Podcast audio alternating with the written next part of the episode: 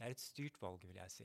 Det er mer en folkeavstemning eh, over Putins politiske linje enn et valg hvor velgerne avgjør den politiske kursen.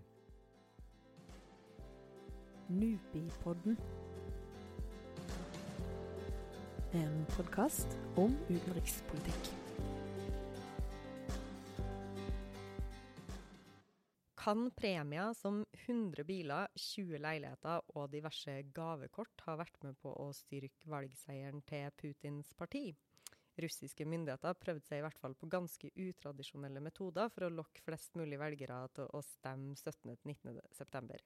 Da var det nemlig duka for Duma-valg i Russland, som tilsvarer norsk stortingsvalg. Om morgenen etter valget så gikk det regjerende partiet, Forente Russland, også omtalt som Putins parti, ut og sa at de hadde vunnet parlamentsvalget. Med nesten 50% av stemmene og to tredels flertall i Dumaen. Og det er langt mer enn meningsmålingene før valget skulle tilsi. Da lå nemlig oppslutninga på rundt 30% Mitt navn er Ane Teksum Isbrekken, og med meg i NUPI-podden i dag så har jeg Helge Blakkisrud, som er seniorforsker her på Nupi, med Russland som sitt spesialfelt. Og først, Helge. Hvordan gikk det nå til slutt der valget? Ble det som forventa? Fra Kremls side så gikk det nok bedre enn forventet. Eh, som du sa, så har eh, Det forente Russland, eh, Putins parti, slitt i meningsmålingene, i, i, lang tid. Og når de nå kommer inn med ja, rett under 50 av, av stemmene, så tror jeg de har grunn til å, å være fornøyd. Men rent bortsett fra det, så, så er nok ikke noen store overraskelser i, i, valget. Kommunistene gjorde et bra valg, men det var også forventet. Og, og det at Putins eh, parti ender opp med to tredjedeler, det var også eh, for så vidt ikke uventet. Men, eh, men, opposisjonen har jo uh, vært ute allerede og klagd, uh, og mener at valget ikke Eller at resultatet ikke er reelt. Hva, hva, ligger liksom i den kritikken? Det har gått mange historier om forskjellige uregelmessigheter i forbindelse med gjennomføringen av valget. Om eh, pakker med stemmesedler som blir eh, stappet ned i, i stemmeurnene. Eller om velgere som busses fra et valglokale til et annet for å avgi flere stemmer i løpet av valgdagen. Men det viktige her når det gjelder eh, om dette er et fritt og rettferdig valg, det er egentlig ikke så mye hva som skjer på selve valgdagen, som, som hva som har skjedd i forkant. Hvor eh, regimet har eh, brukt eh, lovverk, domstolsapparatet og administrative ressurser til å, å sørge for at eh, reelle opposisjonskandidater og folk som kunne tenkes å utfordre regimets makt, ikke får lov til å stille eh, med valglister. Og da tenker vi kanskje særlig på Navalny som sitter i en fangeleir. Eh, er det flere potensielt sterke kandidater som på en måte har blitt rydda av banen på forhånd? Ja, det er ganske mange eh, etablerte politikere også som, som, har blitt nektet å eh, stille denne gangen. Det kanskje mest oppsiktsvekkende var eh, en av de ledende kommunistkandidaten, Pavel Grodinin, som eh, stilte som presidentkandidat for kommunistpartiet ved forrige korsvei, han ble denne gangen nektet å, å, stille. Muligens fordi han ble oppfattet som å være en for populær eh, politiker, og dermed en potensiell stemmesanker for kommunistpartiet. Hva begrunner typisk eh, myndighetene eh, denne ekskluderinga med, da? Akkurat i dette tilfellet så eh, begrunnet man det med at han, kona hans hadde eiendom i utlandet som ikke hadde blitt oppgitt i, i forbindelse eh, med eh, registreringen som kandidat. Men i andre tilfeller så er det jo da f.eks. folk som har eh, støttet Navalny, eller sympatisert med Navalny, som da har blitt erklært å være ekstremister fordi Navalnyjs organisasjon har blitt eh, erklært å være en ekstremistorganisasjon i Russland. Og dermed har de da blitt fratatt muligheten til å stille eh, til valg. Kan man da kalle dette valget et fritt valg? Det er et styrt valg, vil jeg si. Mm. Det er mer en folkeavstemning eh, over Putins politiske linje enn et valg hvor velgerne avgjør den politiske kursen. Så det er et veldig toppstyrt valg. Men hva, hva, vil du si er velgernes um, Hva slags beskjed har velgerne nå sendt til Putin med, med, det resultatet? Vi vet jo at de har gått uh, altså, For å skyte inn det, vi snakker jo om Putins parti, og da snakker vi om Det forente Russland. Uh, men Putin er vel strengt tatt ikke medlem i det partiet? Putin står på mange måter over eh, partipolitikken. Samtidig så har han for nettopp fordi partiet hadde et såpass dårlig utgangspunkt, eh, gått ganske klart ut og, og, og oppfordret til folk til å, å, gå og stemme på Det forente Russland. Og han har også uttrykt at han var veldig fornøyd med resultatet eh, tidligere i dag, eh, når han kom, først kommenterte valgresultatet. Selv om de har gått tilbake fra forrige valg? Ja. Og eh, det er jo da med utgangspunkt i, i hvor dårlig utgang, utgangspunkt de hadde. Eh, dette at det har ligget såpass lavt på, på meningsmålingene. Så, så, Sånn sett så har det vært en veldig vellykket mobilisering for partiet eh, i, i, eh, innspurten på valget. Men hva kan forklare eh, det her hoppet på omtrent 20 eh, fra eller 20 prosentpoeng fra meningsmålingsresultatet eh, til, til, selve valgresultatet eh, som kom i dag? Dels så kan det jo være en vellykket kampanje med at de har lykkes med å få ut sine kjernevelgere. at de har deltatt i prosessen. Men det er jo, det er jo en forskjell på hva du får frem i en, en meningsmåling hvor du kun spør om partipreferanser og, og, faktisk, eh, og, hvem som faktisk deltar i valget. Så de aller fleste meningsmålingsinstitutter og, og eksperter som følger eh, russisk politikk, antok at resultatet ville ligge et sted midt på 40-tallet. Og så ble det da no noe bedre enn en forventet. Mm. Men for å bare uh, være litt pedagogisk, hvor mange partier var det nå til slutt som faktisk deltok i valget? Det var 14 partier som fikk lov til å stille med partilister. Og så er det da mange av disse som vi visste på forhånd at ikke hadde noe som helst mulighet til å vinne representasjon, fordi det er en sperregrense på 5% Men det som er for så vidt interessant og nytt, det er at vi for første gang på, på lang tid har fått et nytt parti som har eh, klart sperregrensen. Vi har lenge hatt bare fire partier som har dominert russisk politikk. Det er Putins parti, og så har vi kommunistene. Eh, vi har Det liberaldemokratiske partiet, som er et ikke så mye liberaldemokratisk som ultranasjonalistisk og populistisk. Og vi har Det rettferdige Russland, som også er et pro Putin eh, regimelojalt parti. Denne gangen har vi også fått inn et nytt parti som heter Nye Folk.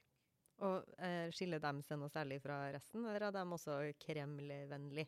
De har en politisk profil, et program, som gjør at de, er, de fyller en litt annen nisje enn de andre partiene som, som, er representert. Men det har vært mye spekulasjoner på forhånd om at også dette er et parti som er opprettet av eh, Kreml. Og om de ikke er opprettet av Kreml, så har de i hvert fall fått Kremls velsignelse, må vi anta, når de nå gjør et eh, såpass bra valg. De har fått eh, drahjelp fra, fra, myndighetene. Det har vært snakka mye om i forkant av det valget her, det her med to tredels flertall, og at det er veldig viktig for forente Russland å oppnå to tredels flertall. Altså at de kan sitte på to tredeler av alle setene i Dumaen. Og hvorfor, eh, hvorfor, har det vært så viktig? Det er først og fremst symbolsk viktig. For med, hvis du kontrollerer to tredeler av, av, eh, mandatene, så kan du egenhendig endre den russiske grunnloven dersom det skulle være behov for det. Jeg tror ikke at det har vært veldig viktig eh, politisk sett denne gangen, fordi vi var nettopp gjennom en omfattende endring av den russiske grunnloven i fjor. Eh, hvor det ble foretatt eh, viktige endringer. Blant annet så valgte man å nullstille Putins mandatperioder, sånn at han kan stille til valg igjen i 2024 og i, sitte frem til, helt frem til 2036 dersom han ønsker det. Sånn at eh, behovet for et to tredjedels flertall er ikke nødvendigvis til stede, men samtidig ble det symbolsk viktig fordi de har sittet med mer enn to tredjedeler av, av setene eh, nå i eh, forrige periode. Og dersom eh, de hadde mistet det, så ville kanskje enkelte tolke det som et, et, tegn på svakhet, og at Putin ikke lenger var like maktfullkommen som det han har vært. Men du, også her i Norge så har jo faktisk eh, folk stemt i det russiske valget. Hele 376 har eh, avgitt stemme ved den russiske ambassaden. Eh, og da var det faktisk kommunistpartiet som ble størst, med Forente Russland på nummer to. Hva kan det fortelle oss om velgerne i Norge? Ja, jeg tror at den, det ikke nødvendigvis innebærer at eh, det er veldig mange kommunister som, som stemmer i, ved eh, valglokalet i, i, Norge. Kommunistene har denne gangen, selv om de blir sett på som å være et regimelojalt parti, eh, et parti som støtter opp om Putins politiske kurs eh, ved alle viktige korsveier, så har de i stigende grad markert seg som eh, et mer reelt opposisjonsparti. Og det har blitt utsatt for en del skyts fra Kremls side i, i, i valgkampen. Annet da, som vi var inne på, med at en av de ledende kandidatene eh, ikke fikk lov til å stille til valg. Og det har ført til at mange personer som ikke nødvendigvis er fornøyd med Det forente Russland og Putins styre, har, har eh, brukt sin proteststemme til å stemme på kommunistene. Det så vi også eh, i Russland eh, i, i, forkant av valget, når eh, Navalnyjs team eh, lanserte denne appen og, og lister med med hvilke kandidater de ville anbefale protestvelgerne å, å, stemme på. Da var det veldig mange kommunister som sto på denne listen. Selv om Navalny sitt team ikke nødvendigvis er enig med dem? Nei, de står veldig langt fra dem eh, politisk. Men eh, når det ikke finnes noe positivt alternativ å stemme på, når deres egne kandidater blir nektet å, stille, så har eh, Navalnys team eh, kjørt en kampanje hvor de sier da er det viktigere å stemme på eh, en kandidat som kan slå Det forente Russland, samme hva slags politisk program denne representerer. Så man har forsøkt å, å samle protestvelgere, opposisjonsorienterte velgere, rundt én kandidat for å utfordre Det forente Russlands eh, hegemoni. Men ser det ut som om denne smart stemmegivningstaktikken har eh, fått noe gjennomslag, eller? Nei, i liten grad. Um, vi har sett det tidligere, at det har vært ganske effektivt. Vi så det for, uh, ble prøvd første gang for to år siden. Og det førte til at opposisjonspartiene gjorde det ganske bra i lokalvalgene i Moskva. Men når vi ser på, på resultatene denne gangen, så ja, kommunistene har blitt største parti. Ikke bare i, Norge, men også i flere valgkretser i, i Russland. Men kommunistpartiet fikk inn ganske få eh, mandater i, i enmannskretsene. Og det er i enmannskretsene man kan bruke denne smarte stemmegivningen, som man kaller det. Ikke i selve partilistevalget, eh, hvor det jo er en sperregrense man kjemper mot. Nå tror jeg du må forklare oss eh, forskjellen på enmannskretsene eh, og partilistevalget. I det russiske parlamentet så er det totalt 450 eh, seter. Halvparten av disse de fylles ved hjelp av partilister, sånn som vi kjenner det i, i Norge. Og Der har man en 5% sperregrense, og alle partier som får over 5% vil da få eh, eh, seter i parlamentet og fordele disse 225, denne halvparten, seg imellom. Den andre halvparten er reservert for såkalt flertallsvalg i enmannskretser. Det betyr at den kandidaten som får flest stemmer, den vil også få dette setet. Og det er i disse eh, kretsene eh, man har forsøkt å bruke smart stemmegivning, altså å samle opposisjonsstemmene rundt en motkandidat til Det forente Russland. Og der gjorde vel Forente Russland det rimelig bra, får en si? Ja. Det er der de greier å sikre seg to tredjedels flertall eh, i det samlede parlamentet. For med 50% oppslutning på partilister, så ikke, det, det, vil jo ikke være nok. Men eh, når vi går over til å se på den andre halvparten på disse eh, flertallsvalgene, så fikk, eh, i hvert fall ifølge prognosene nå, så, så ligger Det forente Russland an til å ta 198 av 225 plasser. Men du, jeg nevnte jo innledningsvis de her premiene. Gavekort og 100 biler og 20 leiligheter og sånn, som eh, russiske myndigheter har lagt på bordet for å lokke folk til å stemme. Kan det ha spilt noen rolle for valgresultatet? Og det, jo, det høres jo veldig rart ut for uh, oss som er vant til å stemme her i Norge. Er det vanlig å drive med sånt? Det, det har en viss tradisjon i Russland, og en tradisjon også tilbake til sovjetperioden. Eh, hvor eh, det jo var et enda mindre valg enn det man hadde eh, eh, i Russland nå i helgen. Den gangen så hadde man bare ett parti og én kandidat å stemme på. Eh, og for å trekke folk da til, eh, til stemmelokalene og få de deltakelsesprosenten vi kjenner fra, fra sovjethistorien på 99,9% så gjorde man valget til en festdag. Og, og, du gikk og avla en stemme, og så ble det servert vodka og uh, pølser i etterkant. Uh, og, sånn at det er ikke noe, på en måte, noe, noe uhørt i at, at, at, man Eller uvanlig i at man uh, tilbyr premier eller bonuser for å delta i valget. Men det er jo på ingen måte gitt da, at dette vil gagne Det forente Russland nødvendigvis. Man vet jo ikke hvem det er som, som dukker opp i, i, valglokalet for å avgi stemme. Uh, og når vi ser på, på deltakelsen, så er ikke den veldig høy. Hvor høy var den? Eller hva vet rett, vi nå? Rett over 50% Så det er litt bedre enn eh, ved forrige valg. Da var vi nede på 48% Men vanligvis så har den ligget på i overkant av 60 i, i uh, Duma-valg, eller parlamentsvalg i Russland. Men, uh, men uh, vi Her er vi jo misfornøyd med når vi ligger på rundt 70% og sånn. hvorfor så lavt i Russland? Annet fordi dette ikke er et viktig valg. Det viktige valget i Russland er presidentvalget. Det er der den politiske kursen settes.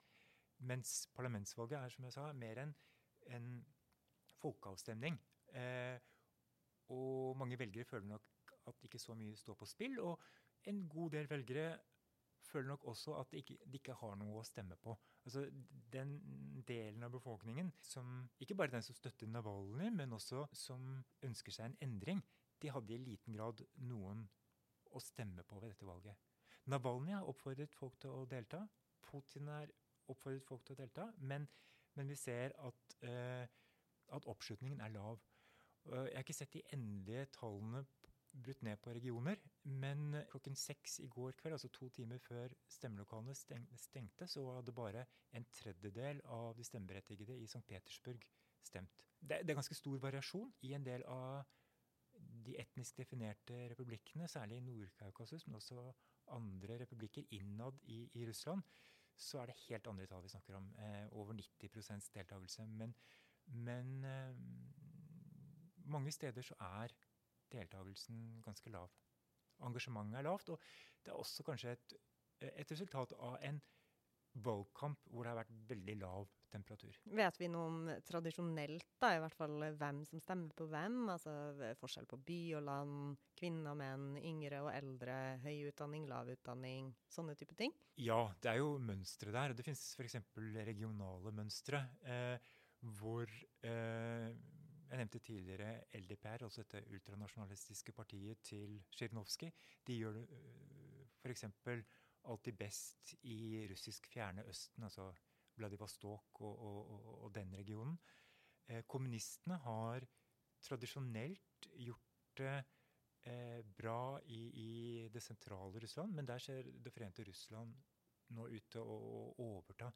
Eh, det som tidligere var kjerneområdet til kommunistene, har nå blitt eh, et av Det forente Russlands beste, beste områder, hvor de har eh, langt over snittet i, oppslutning. oppslutning.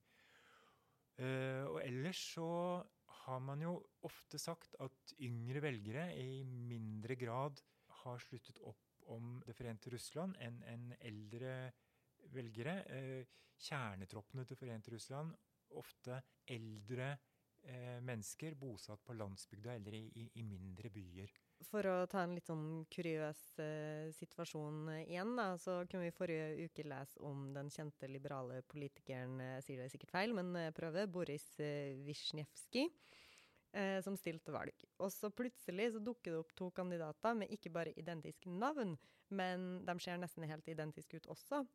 Eh, hvis man skulle tro plakatene av kandidatene som ble hengt opp i valglokalene. Og det her høres jo ganske merkelig ut. Eh, så hva handler det om egentlig, og hvem kan stå bak? Dette er jo en ganske absurd historie. Det, det er ikke så uvanlig i russisk politikk at man har såkalte spoilere. Altså at det dukker opp en person med, med samme etternavn, f.eks., og så gjør man velgerne litt usikre om hvilken Petrov det egentlig er man hadde tenkt seg å stemme på. Men her dukket det jo da opp ikke mindre enn to dobbeltgjengere. Og enda mer spesielt at du da også har ut ifra bildet Dersom du kjenner din Wisniewski, så hjelper heller ikke det. Fordi alle tre hadde plutselig fått skjegg og, og tilsvarende frisyre og så ganske like ut på, på bildene. Så, så øh, dette er et ganske ekstremt tilfelle da, av eh, den type spoilertaktikk, hvor, hvor man enten lanserer kandidater eller også partier med nesten likelydende navn for å ta stemmer fra opposisjonen, splitte opposisjonen, sånn at ikke de skal kunne nå frem. Men man vet ikke hvem, hvem som står bak det? Nei, det er ikke meg bekjent uh, klart hvem det er som, som sto bak det i dette tilfellet. Men sånn, det her sammen med ekstremistlovgivning gjør, og, og, det her med at folk som er kobla til Navalny ikke skal få stille til valg, og sånne, sånne ting, beskriver jo alle ganske problematiske sider ved russisk, det russiske valget. Eh, men hva med fusk, altså sånn det vi tenker på som valgfusk? Eh, er det stor fare for at det har skjedd i forbindelse med stemmegivninga f.eks., og har vi valgobservatører der? For å ta det siste først, det, det med valgobservatører, så eh, er det første gang eh, at ikke eh, OSSE, altså Organisasjonen for samarbeid og sikkerhet i Europa, eh, sender internasjonale observatører til Russland. Årsaken til det er at eh, russiske myndigheter eh, pga. sier de, covid-situasjonen ikke ville tillate mer enn 50 internasjonale observatører å delta i prosessen. Og når man snakker om mer enn 96 000 stemmelokaler fordelt over 11 tidssoner, så er det klart at det å sende inn 50 observatører eh, og potensielt legitimere valgresultatet på bakgrunn av det, det, det var ikke eh, OSSE villig til å, å, å, gjøre. Så har vi en veldig profesjonell eh, eh, veldrevet eh, valgobservasjonsorganisasjon i Russland, Golos. Men de ble i eh, august i år stemplet som fremmede agenter. Dvs. Si altså de, de eh, ble anklaget for å ha mottatt utenlandsk eh, støtte til driften av deres organisasjon. Og det har altså ført til at de har hatt eh, mer problemer enn vanlig når det gjelder å observere valgene. Så vil det jo være en ganske stort antall nasjonale observatører, fordi ethvert valglokale skal utstyres med et, eh, et videokamera, sånn at eh, partiene og, og, deres medarbeidere kan overvåke valget i et hvilket som helst eh, stemmelokale i, i, Russland. Tidligere så har det vært sånn at vi kunne logge oss på herfra. sånn at hvis man satt i Norge og var interessert i å følge eh, valgets gang i en eh, eh, stemmelokale et sted i Sibir, så kunne man, kunne man logge seg på og, og følge, følge, med at alt gikk riktig for seg. Denne gangen så eh, ble dette begrenset til folk som hadde si, tilknytning til valget i form av å være kandidater eller partier som, som, som, stilte til valg. Men sånn, eh, for oss eh, i omverdenen da, så høres jo de her eh, triks med dobbeltgjengere og koronaunnskyldninger for å ikke slippe inn, eller for å begrense OSSE sin mulighet til å observere valget, eh, ikke minst fengsling og ja, det å rydde folk av banen. Det høres jo hva skal jeg si, litt sånn sirkusaktig eller parodisk ut, nesten. Eh, blir ikke Russland litt sånn flau på egne vegne? Bryr de seg ikke om hvordan det her tar seg ut? Jo, det gjør de. Men de vil også ofte peke på at eh, mange av problemene kan spores tilbake til Vesten. Og vestlig innblanding eh, i den russiske valgprosessen og forsøk på, på å styre den politiske utviklingen eh, i Russland. Så allerede i god tid før valget nå så, så snakket man fra offisielt hold om eh, hvordan man fryktet og var forberedt på vestlig innblanding f.eks. i eh, det elektroniske stemmegivningene, om faren for at det kunne bli hacket av ondsinnede aktører. Og så er det også sånn at myndighetene de, de har ikke nødvendigvis eh, ønsket den type oppmerksomhet som, som disse doble dobbeltgjengerne eh, forårsaket. Men de ønsker å kontrollere utfallet av valget. Og da må man, sett fra Kreml, ta noen grep, noen nødvendige grep, for å sikre at man får det utfallet man ønsker. Og dermed så har man da strammet inn når det gjelder alt fra uavhengige medier til muligheten for å, å, å, drive politisk virksomhet og organisere demonstrasjoner. For, for, Kreml så er det en balansegang her mellom på den ene siden å gjøre valgene så kontrollerte at det ikke dukker opp noen overraskelser på selve valgdagen. Eller i hvert fall minst mulig overraskelser på selve valgdagen. Samtidig som de må være åpne nok til at de kan legitimere selve valghandlingen. Altså at de gir Putin og, og Kreml den støtten som man, man, ønsker gjennom valget. Man kunne jo si at Gitt at Russland har beveget seg så langt i en autoritær retning, hvorfor dropper man ikke bare valgene? Hvis man uansett vil forsøke å avgjøre på forhånd hvem det er som skal velges. Men det er nettopp den, dette at man ønsker at folk skal delta og avlegge en stemme for å, å, å gi sitt godkjentstempel til den politikken eh, Kreml står for. Helt avslutningsvis, eh, hva betyr det her for Russland i årene som kommer? Ja, Som vi har vært inne på, så, så betyr det ikke veldig mye. Fordi det russiske systemet er skrudd sammen slik at makten er konsentrert i presidentadministrasjonen. Og det, det, det, er ikke eh, noe som er Putins oppfinnelse. Dette er egentlig noe som er en arv fra forgjengeren Boris Jeltsin, som hele tiden kjempet med et motstridig parlament som ikke ville være med på hans reformagenda. Så når Jeltsin fikk gjennom sin eh, grunnlov, så sørget han for at han selv fikk vide fullmakter og en konsentrasjon av makt rundt presidentembetet og et vingeklippet eh, parlament politisk sett. I tillegg så betyr det også eh, mindre fordi Det forente Russland har en så dominerende posisjon. Det betyr at hvis, hvis, vi hadde hatt et mer pluralistisk parlament, eller et mer opposisjonsorientert parlament, så ville vi kunne, til tross for denne maktfordelingen, fått mer politisk debatt og diskusjon og, i parlamentet, og kanskje en del eh, eksempler på at parlamentet faktisk skulle utfordre presidentmakten.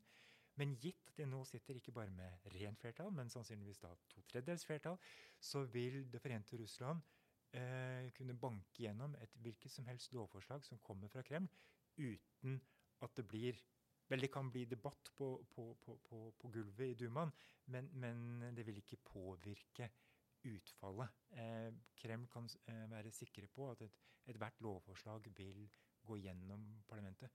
Og dermed så, så reduseres statsdumaen og parlamentets eh, politiske innflytelse ytterligere, gitt det valgresultatet vi har fått. Tusen takk for at du var med oss i Nupi på Helge. Og tusen takk til deg som har hørt på. Hvis du vil høre mer fra oss, så kan du sjekke ut kanalen vår Nupi podkast på Soundcloud, Spotify eller i din podkastapp. Vi høres!